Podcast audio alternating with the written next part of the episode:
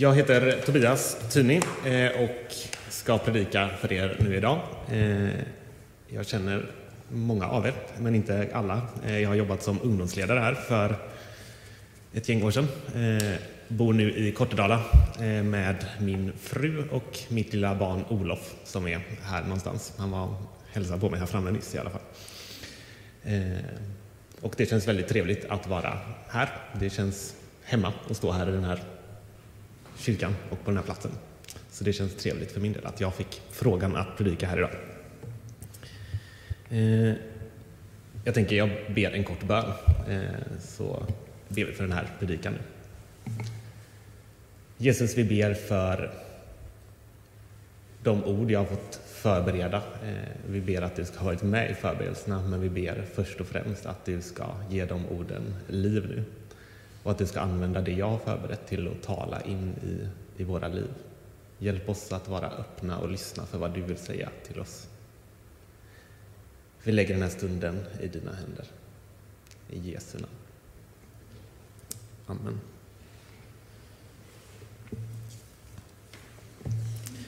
Ja, när jag eh, tackade ja till att predika här idag eh, så eh, läste jag igenom texterna eh, som var föreslagna eh, och då kände jag att det var den här eh, texten eller berättelsen i Gamla testamentet där eh, Mose delar på vattnet. Den fastnar jag för.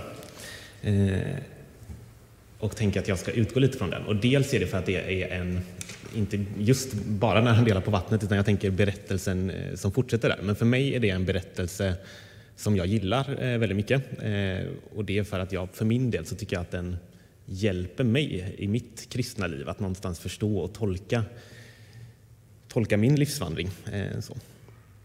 Dels tänker jag också att det är en berättelse som är en, en förgrund, eller vad man kan säga, att den lägger en grund för berättelsen om Jesus som kommer sen. Och jag tänker att Jesus finns ju bara med uttryckligen i en liten del i Nya Testamentet, men han finns ju också med i hela Gamla Testamentet tycker jag. Och att någonstans läsa Gamla Testamentet med de ögonen också, att försöka upptäcka Jesus där, tänker jag också ger ett ytterligare djup till när vi läser Nya Testamentet och tittar på de texterna.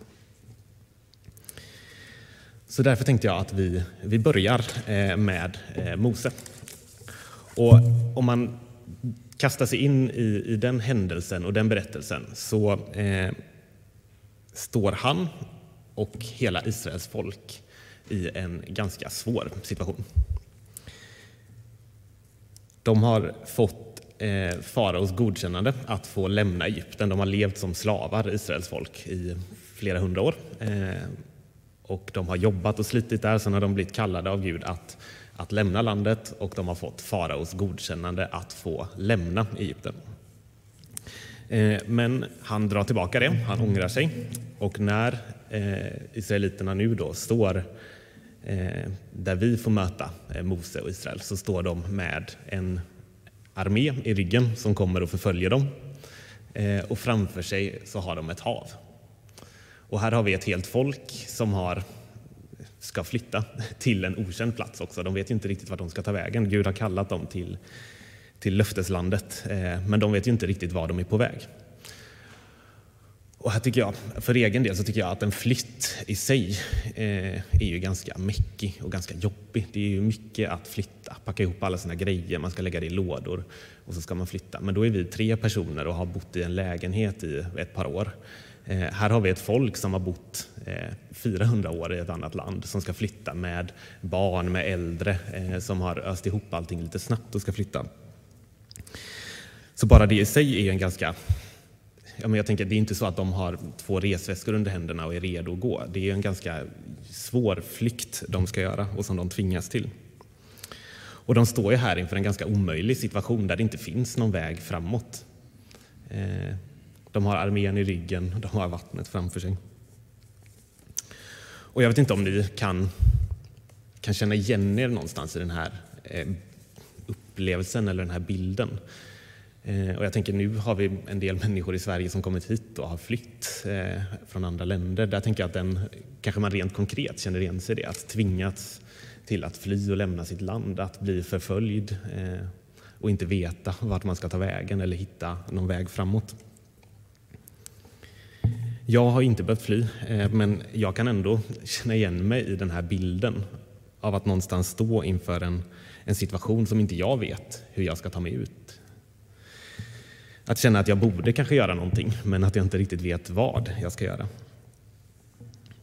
Och Det kan handla om ja, men, en relation där jag har ja, men, blivit sårad eller själv sårat någon och inte riktigt vet hur man ska, ska reparera det. Att stå i en konkret situation där vi saknar jobb, pengar eller hem eller veta vad, hur vi ska klara av vår vardag och vår framtid.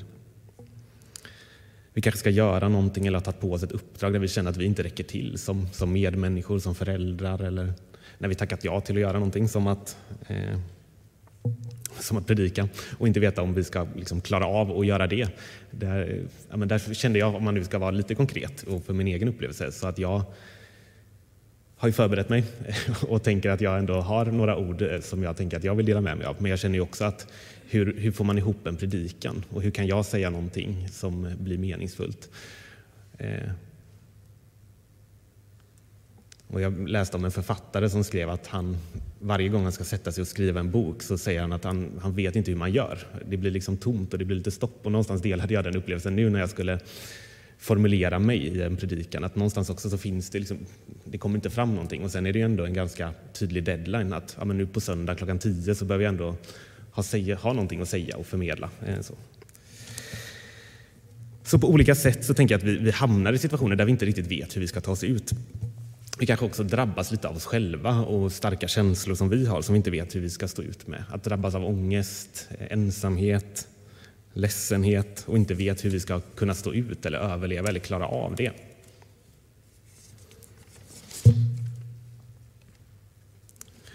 Så Israel står, folket står inför en i mänskliga ögon omöjlig situation. Och det Mose gör då är att han vänder sig till Gud och ber en bön. Och då, får han, eh, då hjälper Gud dem ut i den situationen.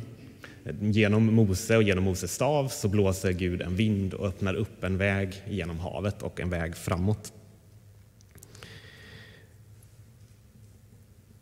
För Gud är ingenting omöjligt, för Gud är allting möjligt. Och Gud leder folket genom vattnet, genom havet, torrskodda och upp på andra sidan. Och här tänker jag att den här berättelsen också ger ja, men en första glimt av vad, vad Jesus gör. Sen också där de, vi kan förstå det Jesus gör för oss. Att någonstans öppnar han upp en väg för oss in i, genom det omöjliga och genom det havet. Oavsett vad vi, vad vi står i, vilken situation vi är i, oavsett vad vi känner att vi inte klarar av eller inte orkar med, så finns det en väg vidare. Det är aldrig kört, det är aldrig hopplöst, utan det finns alltid en väg framåt om vi vänder oss till Gud. Och det tänker jag att det gör vi många, både vi som, de av oss som känner och kallar oss för kristna, men även vi som inte gör det, vänder oss ofta i kriser eller när det är stora händelser så vänder vi oss till Gud. Och jag tänker att Gud vill, vill hjälpa oss och leda oss i de stunderna, men också i vår vardag när vi behöver stöd och hjälp och när vi inte orkar med så finns Gud där och vill öppna en väg framåt. Och för min del är det budskapet om att det aldrig är kört och att det alltid finns ett hopp är väldigt viktigt för mig för att jag ska kunna möta mig själv och de situationer jag står i men också att kunna möta de medmänniskorna jag har där många gånger kan känna att folk vill ge upp eller allting är hopplöst men att någonstans veta att det finns en väg framåt och att det finns ett hopp.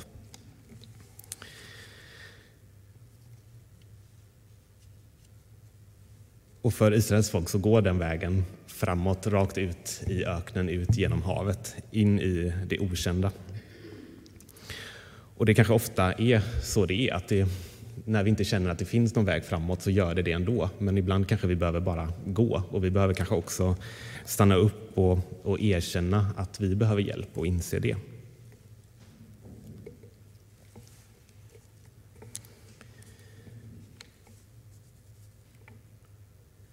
Folket eh, går från att vara slavar eh, i Egypten, där de lever, till att gå genom havet och eh, bli fria.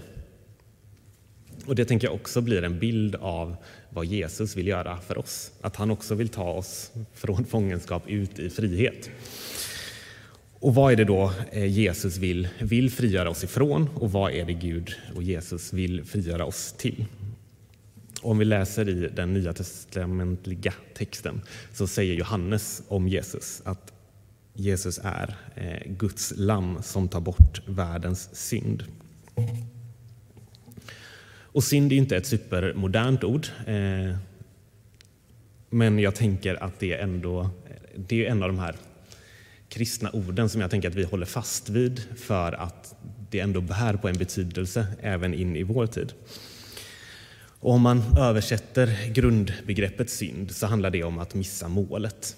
Att någonstans missa målet för vad det är att vara människa, för vad Gud har för tanke med oss. I hur vi relaterar till, till oss själva. Att någonstans se på oss själva med, med kärlek, eh, respekt och se det med Guds ögon. Att kunna relatera till, till våra medmänniskor på ett kärleksfullt sätt. Att finnas till för varandra som syskon. Att relatera och ta hand om hela vår skapelse eh, som vi någonstans har i uppdrag att förvalta. Och att också finnas till i relation till Gud, att också erkänna Gud som Gud och vi som, som människor. Och här tänker jag att vi, vi missar. Vi, vi klarar inte av det och det är också så det ska vara. Att vi, vi gör fel och att jag tänker att vi... När Gud pratar om och Bibeln pratar om synd så tänker jag också att det finns någonting i det som också är relaterbart för oss idag, där vi också missar målet för hur vi ska förhålla oss till i de här relationerna, till oss själva, till våra medmänniskor, till vår skapelse och till Gud. Och där vi kan göra fel. Och när det står Johannes i, i Johannes evangeliet när han beskriver om, om hur Jesus är och hur han är som person så står det att han är full av nåd och sanning. Och det tänker jag är två viktiga grejer. Och Det börjar med nåden, att Gud är, är kärleksfull eh, och nådefull. Att han älskar oss eh, oavsett. Han älskar oss, punkt. Eh, och där kan vi inte lägga till eller ta bort någonting för att ta ifrån Guds kärlek till oss. Han är full av nåd. Men han är också full av sanning, att han inte blundar för det svåra. Både de sakerna vi har gjort fel, även de sakerna där vi har blivit drabbade och känner oss sårade, så är inte det någonting som, som Jesus blundar för. Han är full av nåd och han är full av sanning. Och här blir ju dopet ett tecken på, på vad Gud vill göra där. Att det får vi ta emot som en gåva. Och det som sker i, i dopet när vi någonstans går genom vattnet, går ner och går upp på andra sidan, så blir det en typ av eh, Eh, ett bad eh, som vi får göra. Ett dopp, som en skäggdopping. Nej, men vi får bada, eh, tänker jag. Att vi får bada oss i, i Guds kärlek och bli renade eh, från det vi behöver lämna. Att där kan vi lämna lämna vår skuld över det vi känner att vi inte mäktar med och orkar. Där vi kan få lämna de såren vi har och få bli läkta i Guds kärlek.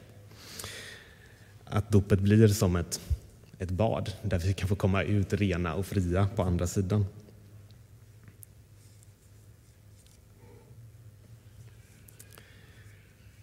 Folket går ju också från, från att leva som slavar i Egypten till att bli fria ute i öknen. Och jag tänker också hur det blir en bild av hur vi i dopet också får gå från att kanske bryta av delar i det samhället som vi lever i. Där mycket i vår tid idag är gott. Det sker mycket positiv utveckling i vår, i vår värld eh, kring tekniken, kring att ta hand om varandra. Men det finns ju också en del i vår värld som vi som människor kanske inte mår bra av och där vi som kristna kanske också behöver vända oss ifrån. Jag upplever att det, och här tolkar jag också in i vår tid, men jag tänker att vi lever i en tid där det ganska mycket saknas framtidstro och visioner. Där det är mycket individualism, där mycket läggs på, på oss själva, där vi som individer ska skapa oss själva, vårt liv, eh, vår mening. Där det är mycket ja, materialism som styr och rent politiskt upplever jag att det är mycket populism där man sen ska göra snabba poänger och, och, vinna. Och att det är mycket i vårt samhälle där det är, är rädslan som styr eh, våra livsval och styr hur, hur vi formerar ett samhälle. Och här tänker jag också att, att dopet blir ett reningsbad även där, där vi kan få renas från att faktiskt bryta ifrån vissa delar av i det samhället som vi lever i, som kanske inte är sunt och friskt och som vi mår bra av. Och där vi kan få ta del av Guds kärlek och någonstans eh, kliva ut i, i en frihet från det. Där jag tänker att Gud har kallat oss till att leva i på ett sätt där inte rädslan ska styra oss, där inte vi ska styras av, av rädsla och oro, utan att vi ska få ta emot Guds kärlek, uppleva oss älskade och utifrån det handla. Och att då kan vi också behöva bryta mot en del av det som samhället eh, säger. Och här tänker jag också att det idag i vårt samhälle också är mycket att vi inte jag menar att ingenting är heligt på ett sätt och med det menar jag att vi inte låter saker och ting få väcka vår förundran lite. Jag tänker att vi gör det spontant som människor ändå. När vi möter en, en litet barn eller när vi står inför en storslagen natur eller när vi möter en människa som vågar dela med sig och öppna av någonting. Så tänker jag att det slår an en ton i oss av, av helighet och förundran. Men att mycket i vårt samhälle inte låter det vara det heller. Och där vi kanske också ska få lämna det och också få upptäcka och uppväcka en respekt och en förundran över vår värld, över varandra som människor, över vår skapelse och över Gud. Och där jag tänker att vi, vi får de här små signalerna, att vi har som små andliga gitarrsträngar i oss som ibland kommer i gungning av vissa grejer och att faktiskt ta tillvara på de signalerna när de kommer och se det. Så jag tänker att, att dopet är både ett, ett individuellt dop där vi döps och blir fria från det, de negativa upplevelserna som vi har fått med oss, där vi har blivit sårade och där vi inte ska föra vidare de, de såren till, till de människorna vi möter. Att vi har blivit sårade eller brända, eh, att vi ändå ska kunna våga älska igen. Men också att vi kan behöva bryta mot en del eh, i vår tid och på något sätt få kliva in och se vår värld med Guds ögon. Sen tänker jag att även om israeliterna går från Egypten ut i öknen så är ju inte påverkan från Egypten klart. Att det är inte så att det är färdigt. Nu är allting klart. Eh, och det liksom bland det första folket gör efter att Gud har gjort det här undret och öppnat upp en väg, det är att de börjar knota, och jag tycker det är ett bra ord, knota, men att de börjar eh, klaga och längta tillbaka till hur det var i Egypten. Hade vi det inte bättre som slavar där än att vi ska gå runt här i öknen? Och det tänker jag är också en bild av hur det är att vara kristen. Att vi är ju inte, vi är inte i himmelriket än och det är inte Israel heller. De har inte kommit fram till löfteslandet som ligger där framme, utan de går runt på en ökenvandring. Eh, de har kallats ut och är i frihet med Gud, men dels så tänker jag att de har kvar påverkan från Egypten. Det kanske inte vi helt har brutit från. Och här tänker jag att det också är en bild av, av vår tid och vårt liv som kristna. Vi är inte framme vid de löftena som Gud har gett oss, att en dag ska det inte längre finnas något död, någon elände, någon smärta, någon sorg. Gud ska bo mitt ibland oss. Eh, där är vi inte än, utan just nu är vi i öknen på väg ditåt. Och Gud är med oss och leder oss på den vandringen. Och här sker det ju någonstans något pågående där vi om och om igen behöver vända oss till Gud. Jag tänker att dopet är är ett. Det är ett dop och det sker en gång. Vi behöver inte döpa om oss massa gånger eh, så fort vi har gjort något fel eller ångrat oss. Utan när Gud ger oss dopet som gåva så är ju det, då är det gjort. Men sen behöver vi leva i det dopet och på något sätt återigen ikläda oss det och på något sätt vända om till Gud. Från Guds håll så är hans kärlek och hans eh, vad han gjorde i dopet står ju fast. Han har älskar er och älskar dig och det lever kvar oavsett vad du gör i resten av ditt liv. Men för vår skull kan ju vi behöva vända oss åter till Gud. Och där tänker jag att man också kan likna dopet vid ett äktenskap. Att jag gifte mig med Julia, det gjorde jag en gång. Eh, men det betyder inte att det är klart. Nu kan inte jag luta mig tillbaka och tänka att ja, men nu är vi gifta tills döden skiljer oss åt. Eh, utan det kräver ju också ett jobb och att jag på någonstans varje dag väljer att vilja vara döpt, eller vilja vara döpt vill jag också, men att vilja vara gift med henne. För annars kommer ju vår, vi glida ifrån varandra och vår relation dö. Och jag tänker att på något sätt är det också en bild för vad dopet är. Det sker en gång, men vi behöver ju återigen få kliva in i det och återigen ta, ta det beslutet om och om igen att vilja vandra med Gud. Så det här tänker jag är lite vad, vad Gud och Jesus vill frigöra oss ifrån. Men jag tänker också att Gud kallar oss till någonting när vi kliver upp ur dopvattnet. Och det första tänker jag är att Gud kallar oss till eh, gemenskap. Eh, när Israel går genom havet eh, så tänker jag att det är då någonstans de blir till ett folk. Eh, och det är då Gud börjar sluta förbund med dem och det är då Israel börjar sin vandring mot att eh, uppfylla de löftena som, som de har fått uttalade över sig tidigare också. Eh, men det är någonstans där, att när de lämnar Egypten, som de blir det folket, tänker jag. Och jag tänker att dopet eh, också är att vi kliver in och blir en del av Guds folk i dopet, att vi kliver in och blir en del av den gemenskapen. Och därför tänker jag också att nu när vi har det här temat på den här i kyrkåret är inte ditt dop, utan det är vårt dop som är temat. Och det tänker jag också är en viktig del i detta, att det inte är vårt beslut är viktigt och det är vi som får välja om vi vill döpa, men det är också vårt dop, att vi lever i det tillsammans. Och vi som, som kristna idag eh, lever ju tillsammans här och är en del av, av Kristi kropp. Eh, och vi tillsammans är Kristi kropp här, här i Lerum. Vi är Kristi armar och händer. Vi är Kristi kropp. Och när vi döper oss så kliver vi in och blir en del av den gemenskapen. Och jag tänker att den gemenskapen är en helande gemenskap där vi tillsammans får, får leva i närhet, kärlek som syskon. Sen gör vi inte alltid det, men att jag tänker att det är det Gud har, har kallat oss till. Och om man tittar i, i Gamla testamentet, eller inte egentligen i Gamla testamentet, men om man tittar på dop innan Jesus kom, så är ett av de dopen eh, att proselyter, som då är judar som inte är födda som judar, de gjorde ett dop där de genom det dopet klev in och blev en del av att judarnas folk och tog del av deras löften. Så jag tänker att det finns en del i dopet att kliva in och bli en del av det folket och den gemenskapen. Så Gud och Jesus vill genom dopet frigöra oss till en, en gemenskap. Jag tänker också att Gud vill kalla oss till vår sanna identitet. Att någonstans kan vi i dopet få landa i vilka vi är. Och när Jesus döper sig eh, så öppnar sig himlen och så hör man en röst där Gud talar att, och säger att du är min älskade son, du är min utvalde.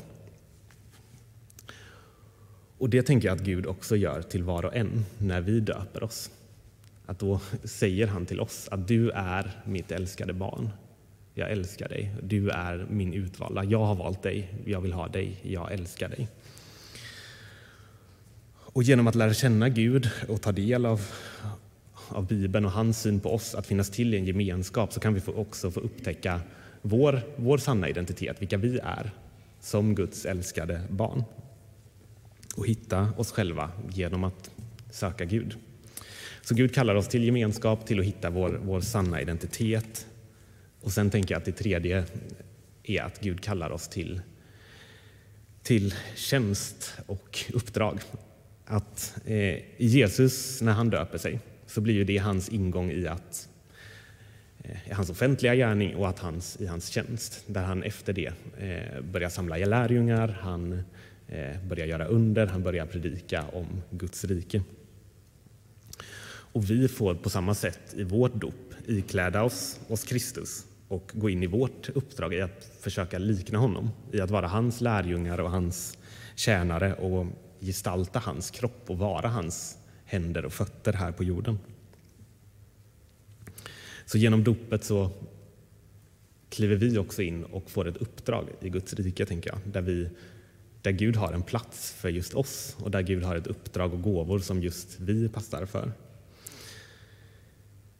Och Det tänker jag gäller också för, för Israel. När de blir ett folk så sker det också ett uppdrag i det att de ska få gestalta Guds rike och vara Guds utvalda folk. Sen misslyckas de med det många gånger. Men där det också finns ett uppdrag i att få finnas till för de människorna som finns runt om och där det många gånger upprepas att, att Israel ska ta hand om dem, de svaga och utsatta i samhället med änkor och faderslösa och flyktingen. Så Gud kallar oss genom dopet in i tjänst och uppdrag.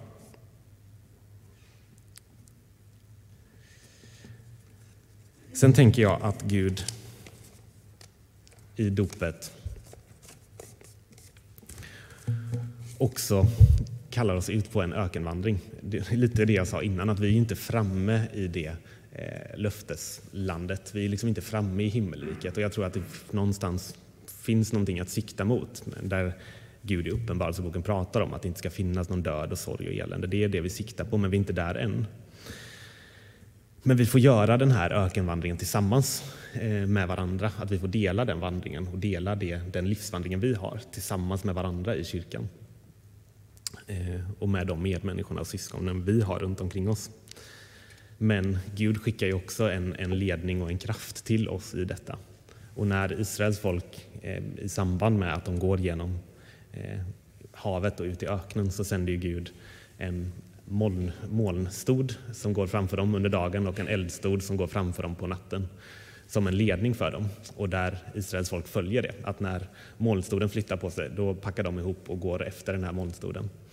Eh, och jag tänker att det är också en bild för vad Gud sänder till oss i dopet, att vi också då får del av hans ande. Och att det också är en hjälp på vår livsvandring att vi inte är ensamma i det. Att vi har en, en hjälpare och en tröstare som inte rent eh, men som på ett gudomligt sätt kan ingripa i våra liv, som kan leda oss på vår livsvandring. Som kan leda oss när det är dags att bryta upp och gå vidare, som kan leda oss när vi ska höra av oss till någon eller som kan trösta oss när vi behöver tröst och hjälp. Att genom dopet så får vi del av Guds ande och Guds stöd och hjälp in i våra liv.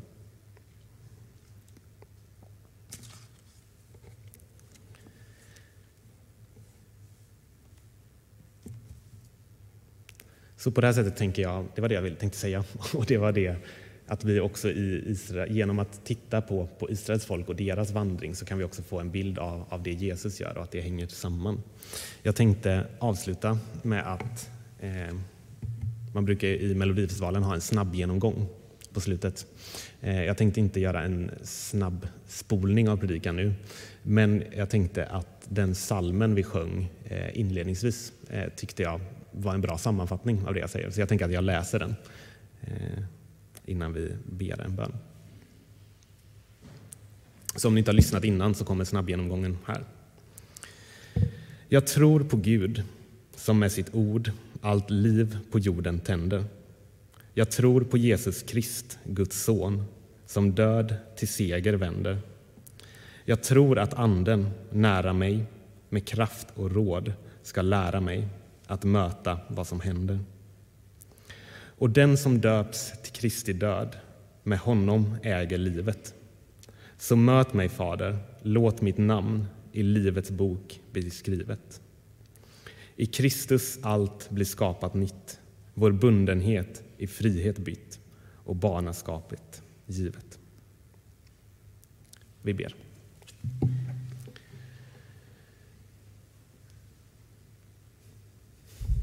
Gud, tack att du älskar oss. Tack att vi var och en är dina älskade barn. Och oavsett var vi står, om vi har döpt oss för länge sedan eller mer nyligen eller aldrig gjort det, så ber vi att vi ska få upptäcka och återuppväcka den sanningen om oss själva, att vi är dina älskade barn. Att vi ska få känna att vi kan få lämna det som tynger oss och smärtar oss och som hindrar oss från att leva i kärlek. Att det ska vi få lämna till dig och få del av din frihet och din kärlek och din nåd.